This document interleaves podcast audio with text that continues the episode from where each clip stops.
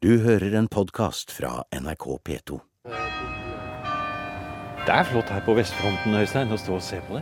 Ja, nydelig. Og endelig er det en solskinnsdag også. Det er lenge siden sist her, så nå kan vi virkelig nyte domen. Hver gang eh, jeg går inn under vestfronten her, så kikker jeg opp for å se på Bob Dylan. Sånn har det blitt. Ja, ja han står trygt oppe på det, Ja. det høyeste spiret. Det er rart å tenke på at det er han som er den store kjendisen på, i Nidarosdomen. Men når vi kommer inn gjennom vestfronten og ser det enorme kirkeskipet som ender i oktogonen og middelalderens mystikk, så er det ingen tvil om at det er Sankt Olav som fortsatt er den store kjendisen her. Om ikke så mange årene er det 1000 år siden Olav Haraldsson ble erklært som helgen, og kisten hans trakk mennesker fra hele Europa på pilegrimsreiser hit. Ja.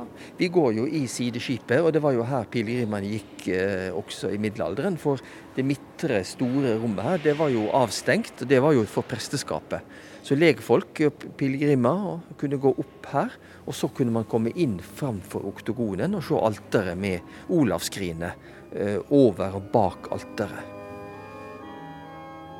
Passio e miracula beati Olavi, eller forkortet til Passio Olavi, er en av de viktigste byggesteinene i konstruksjonen Nidarosdomen, i overført betydning. I museum i dag skal Øystein Eckerhol og Steinar Bjerkestrand fortelle om mirakelsamlingen Passio Olavi, som ble gitt ut i en ny utgave høsten 2019 som en markering av 150-årsjubileet for Nidarosdomens restaureringsarbeider. Om en liten stund skal vi be avtroppende direktør Steinar Bjerkestrand gi oss noen eksempler fra mirakelsamlingen. Men først litt om selve boken Passio Olavi. Den aller første som samlet og skrev ned mirakelfortellingene om Sankt Olav, var Nidarosdomens legendariske erkebiskop Øystein Erlendsson, som var den som påbegynte det store byggverket rundt Sankt Olav. Som altså besto av mer enn flott arkitektur. Nå må vi til tida rundt 1150. For da skjer jo det at det, eh, Norge blir et eget erkebispedømme med sete her i Nidaros. Og, og da er det, som du sa, et, et byggverk av, av mange typer som skal settes opp. Ikke bare en fysisk katedral, men det er også for å samle alle de kun, ja, all den kunnskap, alle tradisjoner, myter og legender som sviver rundt, men som ingen har tatt fatt på og så systematisere og samle. Og Det arbeidet er det erkebiskop Øystein Erlendsson da gjør, parallelt med at man begynner å bygge den Nidarosdomen som vi ser i dag. Så mirakler som eh, da blir fortalt om Olav, er det erkebiskopen som da får samla i en bok. Og den boken den heter altså da noe sånt på norsk som 'Fortellingen om eh, Hellig Olavs lidelse og undere'. Forkortet da til Passio Olavi. Ja, Passio er jo samme som pasjon, altså, altså en, en lidelse. Og nå er den boken gitt ut, samlet, med alt som dere har kunnet finne. Ja, vi, vi liker å spøke med at dette er tredje utgave. Første utgave kom i 1180. Andre utgave kom i 1930. Og tredje utgave da i 2019. Hvilke kilder er det man har til dette her, Øystein? Ja, Den man har tradisjonelt har kjent, det er jo ett enkelt eh, middelaldermanuskript som er oppbevart i eh, Corpus Christi College i Oxford, og som stammer fra et kloster i Nord-England som heter Fountains Abbey, som hadde forbindelser til Norge. Og det er mulig at det, det, dette mm, eksemplaret, dette manuskriptet, er kommet fra Norge. Eh, og det er dette vi egentlig kjenner, som var gitt ut uh, da oversatt i 1930. Men så er det da en, eh, en tsjekkisk-tysk forsker som heter Lenka Jeruskova, som da har gått gjennom alt som fins av andre fragment eller manuskripter av Passio Olavi i hele Europa, og har da systematisert og samla disse, og da funnet at det er flere mirakler enn det som man, vi da har kjent fra det ene såkalte Oxford-manuskriptet. Så nå er, vi, nå er vi oppe i over 50 mirakel fra middelalderen. Og disse er det nå som da er på nytt og oversatt fra latin til eh, moderne norsk av Lene Dovøy, og vi har gitt ut nå da i 2019. Og det er jo så spennende lesning, det må man nesten si. Man behøver ikke å lese det som en eh, teologisk historie. Man kan like gjerne se på det som en beretning om middelalderens dagligliv. Ja, det er jo veldig få kilder som, forteller oss om vanlige folk sitt liv.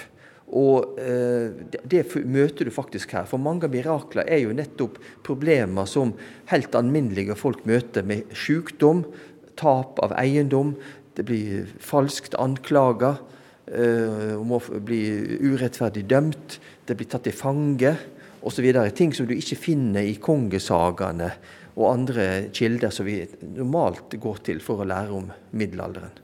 For man får jo på følelsen av når man leser disse um, underfortellingene, at det var ment å nå den skal vi si, vanlige menigheten. Altså Det var situasjoner, livsopplevelser, ting som man tenker at den vanlige mann og kvinne ville kjenne igjen i sitt eget liv. Ja, og det er helt dagligdagse ting. Tenk bare på historien om disse barna som blir borte i utmarka. Og det blir organisert leiting. Det er jo ting som skjer i dag også. De er ute i en eh, stri elv. Og det foregår et sted, står det, bak fjellene langt nede i Europa et sted. Ja. Og disse to barna de blir drevet mot fossen. Og fortellingene i den eh, sammenhengen er jo nesten som det, man skulle tro det var fra en eh, TV-serie i dag. Ja, altså det er jo en middelaldersk eh, sånn eh, reality-serie. på en måte vi, vi, ser oss det er dramatiske scener fra, fra dagliglivet. Disse barna. Du har f.eks. bonden som ser låven sin ta fyr med all maten som man skal leve av det neste året. Katastrofe hvis det låven brenner ned. Det som skjer, er at alle sammen vender seg til St. Olav med bønn om hjelp. Og nota bene, i den bønnen om hjelp så sies det alltid at hvis du hjelper, så skal jeg gi eh, almisser til Nidarosdomen. Ja, og flere av miraklene er jo erkebiskop Øystein sjøl som forteller at det, for eksempel, det kom en mann med en okse som han ville gi til St. Olav. Og det var fordi han hadde fått hjelp. Så dette har erkebiskopen sjøl opplevd. Så han har, han har på en måte redigert eh, en del gamle mirakler, men også veldig mange som han sjøl har opplevd, til dels på egen kropp. La oss gå litt tilbake til de to barna som farer nedover denne strie strømmen ned mot en, eh, mot en stor foss. Og dette er bokstavelig talt en cliffhanger, den historien der. For idet de nærmer seg nær sagt stupet, så blir barna Den siste utveien de har, det er å hoppe ut av denne båten og klamre seg til en liten, en liten klippe akkurat der hvor fossen farer ut. Ja. Båten blir knust og forsvinner, og der står de og gråter på denne stenen. Ja, og så står det der, og det er jo ingen på land som kan klare å komme ut i denne strie elva for å berge dem. Så de må jo bare stå og se at disse barna kanskje vil omkomme. Og de går hjem alle sammen? Ja, ja de kan jo ikke gjøre noe mer. Men da er det jo at det St. Olav kommer i en, i en, drøm og forteller hvordan det skal ordne seg, hvordan de skal bygge faktisk en konstruksjon for å komme ut. En slags flytebru eller noe lignende. Så, også som, en, altså, som den, den, store brobyggeren er Sankt Olav. Og barna blir jo da selvfølgelig reddet ved at man gjør det som Hellig Olav sa i en drøm til faren. da. Det er Øystein Ekroll fra Nidarosdomens restaureringsarbeider som forteller om Passio Olavi, Hellig Olavs helgenfortellinger i ny utgave, som har kommet ut høsten 2019. Musikken i bakgrunnen er for øvrig en passacaglia av spilt på Nidarosdomens orgel av tidligere domkantor Per Fridtjof Bondsaksen. Men vi skal videre inn i middelalderens fortellinger om Olav Haraldsson. Både om tiden da han levde, og ikke minst hvordan legendene omkring vikingkongens navn ble bygget opp i generasjoner etter hans død. Hva er det samtiden vet om Olav Haraldsson? Ja, den, den, historien som vi kjenner i dag, det er jo den som Snorre har skrevet rundt år 1230, altså 200 år etter det skjedde. Eh, hvis vi går bare, bare, et par generasjoner lenger tilbake enn det, til slutten av 1100-tallet, de kildene da, så er det nesten ingenting de har å fortelle. Og de er ikke samsvarende heller, fordi man, man, man visste egentlig ikke så veldig mange fakta Man visste uh, Olav, at man visste var, han ble drept i et slag, men det er veldig usikkert hvem var det han egentlig uh, kjempa mot. Ja, ble han drept i et slag, eller ble han forgiftet, eller ble han snikmyrdet? Ja, det er, også, det er også flere spekulasjoner om dette. Selv erkebiskop Øystein tar jo feil av årstallet. Han skriver at han ble drept i 1028. Eh, mens, men det var på en onsdag? Men vi, ja, det merkelige faktum at alle er enige om at det var en onsdag, det har overlevd. Men, men, årstallet, årsakene til at han ble drept, hvem han kjempa imot, alt det der var veldig, veldig flytende. Det var nok forskjellige beretninger, eh, teorier ute og gikk, men det var ikke noen én på en måte eh, godkjent, bestemt eh, historie om dette. Det var veldig vagt. Ja. Det er som Øystein, at når han begynner å bli kjent som helgen, så må han på en måte rekonstrueres litt. Olav var egentlig en stor fiasko i levende livet. Det gikk jo det gikk veldig dårlig. Han måtte jo flykte fra landet. Han prøvde å komme tilbake igjen og ble drept av, en, en, av hans, sine egne landsmenn, som ikke ville ha han tilbake. Og da skulle man tro at det når han da ble drept og hæren hans omtrent utsletta, og, og liket hans forsvant og ble lagt i en hemmelig grav, så skulle man tro at det, nå var han ute, ute og soga. Eh, og Det var han jo da et lite år, men så begynte det å skje ting. Og så ble da, det begynte, ja, det begynte å skje mirakler, og det begynte rykter å gå. Og så begynte hele dette historien å rulle omtrent som en snøball som vokser seg større og større. Det er ingen tvil om at eh, hans liv var mer vellykket etter hans død enn mens han levde? Ja, han ble en helt stor stjerne etter sin død, men i levende livet så var han faktisk ikke særlig populær heller. Og så er det jo spørsmålet hvordan kan man skape en helgen ut av en konge som, som, som egentlig var nokså forhatt? av sine egne undersåtter, og som ble drept av sine egne undersåtter når han prøvde å komme tilbake. Og den historien den er det sannsynligvis erkebiskop Øystein som er, står bak.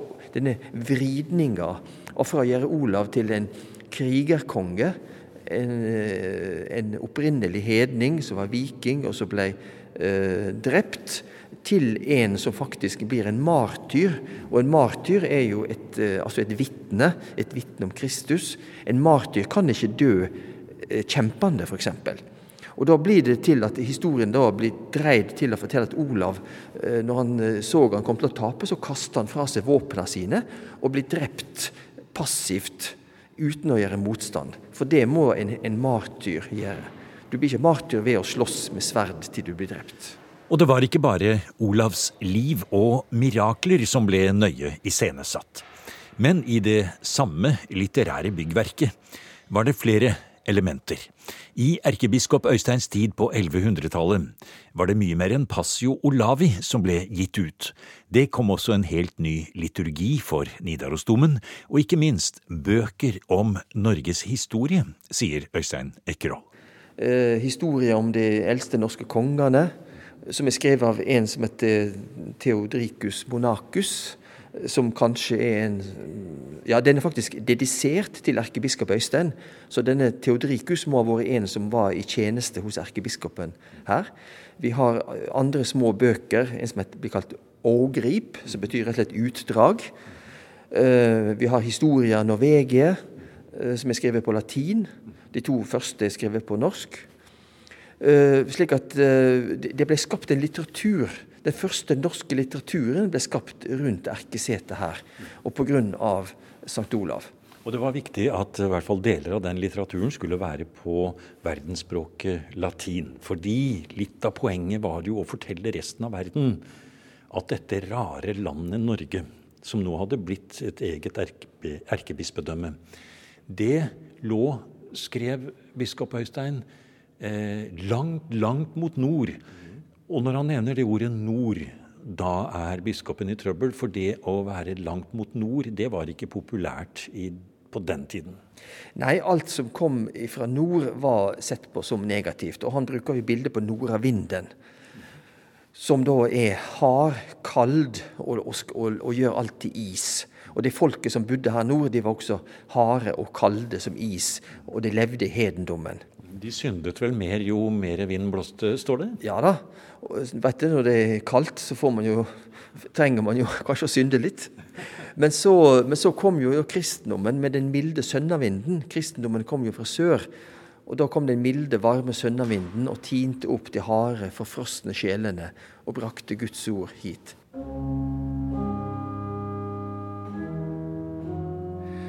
Det er et rom som gjør noe med deg når du kommer inn. Eh, det hjelper ikke om du er aldri så vant til å gå ut og inn av katedralen og stå midt på gulvet med blikk mot både korsalteret og høyalteret. Det skaper en helt egen tone i deg. Det er Steinar Bjerkestrand som sier dette. Og han er ikke bare direktør for Nidarosdomens restaureringsarbeider noen uker til, han ble også ordinert til prest i Nidarosdomen i 1978. Bjerkestrand har tidligere vært leder for stiftelsen Domkirkeodden, og altså direktør ved NDR siden 2011. Nå går han av for aldersgrensen, og har vært en av ildsjelene bak utgivelsen av den nye Passio Olavi. Ja, Det er veldig spennende dette, fordi at i 1995 så ga den gang pilegrimsprest Arne Bakken ut en faksimileutgave av Skars oversettelse. Og den ble brukt i forbindelse med jubileene på slutten av 1990-tallet. Eh, da var det fortsatt bare arkaisk nynorsk, men eh, den teksten greip meg såpass hardt den gangen at jeg tenkte at på et eller annet tidspunkt må vi få en unnskyldning for å gi ut den. Og så har eh, forskere og prester heiet på dette, ikke minst Arne Bakken selv som også har ligget eh, på lur her og hjulpet oss litt i, sånn, på litt fjernere distanse. Men han har hele tida heia på at nå må denne komme, og 150-årsjubileet for Nidaros domkirkes restaureringsarbeider ble da muligheten. Skal vi sette oss ned litt her nå i kirken? Vi er inne i en akkurat sånn fint belyst, litt dunkelt belyst kirke. og Akkurat nå er det ingen her. Du har låst opp spesielt for oss, så vi har hele kirken for oss selv. Og nå står vi Ja, du må nesten fortelle hvor vi står hen nå. Vi står midt i det store vestskipet foran korsalteret, sølvalteret, som eh, markerer midten i katedralen. Og vi har utsyn helt opp til oktogonen og høyalteret. Det er eh, flott å stå i dette rommet. Det er relativt sjelden at vi kan være her alene, men akkurat nå passa det. Og da skal vi høre hva du har valgt ut her, Bergestad. Jeg tenkte vi må begynne med innledningen som eh, erkebiskopen skriver. For han forteller litt om hvorfor eh, han nå setter seg til å skrive og lage dette skriftet om Sankt Olav.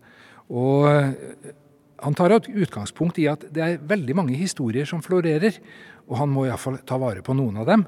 Og så skriver han følgende. Det er arbeidet verdt å nevne noen få av de mange miraklene som Herren har ønsket å utføre for å dokumentere velgjerningene til den ærerike martyren Olav, slik at tilhørernes sinn vekkes til lovprisning og ærefrykt for Guds kjærlighet, og slik at de troende får vite hvor stor nåde og ære Herren har gitt sin helgen. Sånn begynner han, og så kommer de forskjellige historiene i dette skriftet, som jo er sammensatt av flere eh, bøker fra flere forskjellige steder, så begynner det å slutte litt sånn forskjellig, og det er utrolig mange forskjellige vinklinger for å fortelle noe om at rundt i hele Europa opplever folk dette, og særlig i Norden har dette stor betydning. Skal ikke se bort fra at den også fikk spredning slik at det ble en preken på Olsokdagen f.eks. Hvis presten ikke riktig visste hva han skulle si, så var det kjekt å kunne ta frem en mirakelhistorie og fortelle om Guds nåde gjennom Sankt Olav. La oss få litt fra en mirakelhistorie her nå. Da må jeg først lese en ganske streng historie om hvor galt det går hvis man ikke overholder helligdagsfreden på Olsok 29.07. Det handler om eh, ei norsk tjenestejente som var i tjeneste i Danmark. Så helt nede i Danmark så er det altså betydning her hvordan man forholder seg. Det er fortellingen om brødene som ble til stein i ovnen.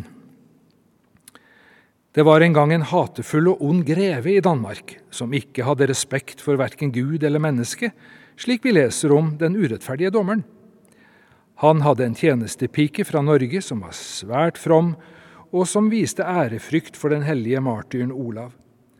Men denne onde greven trodde ikke på det som ble sagt om martyren, og alt det som folk fortalte om miraklene og æren til Olav, den anså han for å være både latterlig og falske rykter. Så kom den dagen av året igjen da man feiret martyrdøden til den samme kongen og martyren, og den ondsinnede mannen viste nå den ondskap han hadde båret i hjertet sitt, i gjerning. Det var ikke bare det at han nektet å vise respekt for den hellige martyrens festdag, men i forakt for martyren befalte han også den tidligere omtalte kvinnen, som han hadde forstått var svært hengiven når det gjaldt å tilbe martyren, å sette brød til steking på selve festdagen til martyren. Hun adlød den hensynsløse ordren mot sin vilje, for hun hadde erfart at hun fikk hard straff når hun ikke rettet seg etter hans befaling. Hun satte brødene i ovnen mens hun tigget og ba til helgenen med gjentatte sukk, forsikret og svor i tillegg ed på at hun aldri ville vise martyren ære i fremtiden, med mindre han nå viste sikre bevis på sin kraft i en så stor vanskelighet. Å, for et nytt og hittil uhørt mirakel! I en og samme stund ble den usle mannen blind, og brødene som var satt i ovnen, ble forvandlet til steiner.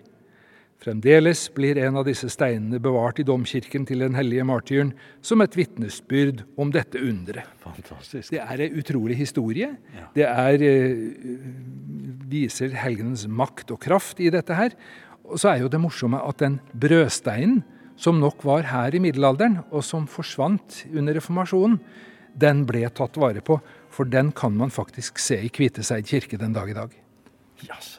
Der ligger den. Så morsomt. Ja, er så er det sånn at eh, eh, Sankt Olav han var jo helgen for mange sjøfolk, f.eks. Og for mange andre typer arbeid som ble utført. Selv om jeg ikke vet helt i farten da, hva som var hans hoved, nær sagt, område å være helgen for. Jeg har inntrykk av at han var for mange forskjellige ting. Jo, Han var nok det, men han var veldig mye de sjøfarendes helgen eh, historiene om eh, da han skulle kappseile med broren sin f.eks. til Nidaros. Eh, handla jo om at han seilte fra Østersjøen til Nidaros på hver så døgnet. Og, og, og, eh, gjennom både Jotunheimen og Trollheimen. Ja, for da kan han gå like gjerne til lands som til vanns, som det heter seg. Og, da, ja. Ja, eh, og det er jo flere av disse mirakelhistoriene som handler om håper eh, å si, sjøfolk. Jo, eh, ikke minst den fortellingen om eh, åssen det gikk med de som kom ut for storm. Og nå skal vi se for oss en eh, skikkelig stormnatt ved et bratt fjellparti et sted ute på kysten, hvor historien forteller. En dag da det var blåst opp til storm, var det i tillegg et skip som ble drevet rett mot et nes, som reiste seg som en mur, bratt og ufremkommelig, og der kystlinjen var så ujevn at det bare ga adgang for fugler. Sjømennene, som alle var lamslåtte av drønnet fra havet og klippen som lurte over dem, sukket dypt og ba til Ola den hellige om at han måtte høre dem, for døden var så skremmende nær. Og straks ble det fortapte skipet raskere enn med en styrke på tusen mann ført tilbake igjen, midt imot den rasende stormen, og da sjømennene nådde den etterlengtede havnen, glemte de ikke martyrens velgjerning og donerte med glede det tidligere omtalte skipet til oss, til byggingen av kirken hans. Fantastisk. Jeg ser for meg da sjøfolkene i stor nød og alt sammen som det blir beskrevet her. Men så er det vel også et poeng her at skipet blir gitt til kirken. Dette er en slags oppfordring. Gjør sånn dere også, hvis dere blir bønnhørt. Jo, eh, eh, du kan jo si at eh, erkebiskop Øystein, som hadde vært finansminister under kong Inge, han skjønte seg nok på dette med økonomi og penger. For det er ofte at han ledsager sine historier med en oppfordring om å gi til kirken i Nidaros, sånn som de som var blitt utsatt for en velgjerning, hadde gjort. Det er rundt 50 mirakelfortellinger som er kjent etter St. Olav. Og vi skal komme tilbake til flere av helgenhistoriene i Passio Olavi, også i et senere program. Men i denne omgang avslutter Steinar Bjerkestrand med brannmiraklet i Novgorod, som et eksempel på at mirakelhistoriene rundt St. Olav ikke bare var fra Norge. Denne, dette med at kristendom ikke bare kom vestfra, men også kom østfra, det gjør at jeg syns den fortellingen om, eh, som kommer fra Novgorod, den er også veldig spennende. For den dokumenterer den forbindelsen mot øst. Og Da skriver erkebiskopen i en by i Russland som kalles Holmgard, skjedde det en gang at det plutselig oppsto en så stor brann at det så ut som den truet med å ødelegge hele byen. Byens innbyggere, som naturligvis ble grepet av frykt, løp i flokk til den latinske presten Stefanus, som arbeidet nettopp der i kirken til den hellige Olav. De ville prøve den hellige Martins kraft i en slik krisesituasjon, og sørge for å skaffe sikre bevis på de ryktene som de hadde hørt om ham. Og presten var slett ikke sein med å oppfylle deres vilje. Han grep helgenbildet og holdt det opp mot flammene, og da brant ikke ilden lenger enn dit, og resten av byen ble reddet fra flammene. Ja, fantastisk. Kan jo si at det nok er en litt sånn vandrehistorie fra helgenbilder over hele Europa. Men det at Olav uh, i Nidaros har samme evne og helgenkraft som sine europeiske kolleger, det var veldig viktig for erkebiskopen å peke på. Du har nå hørt en podkast av programmet Museum fra NRK P2. Og send gjerne en e-post til museum krøllalfa nrk.no.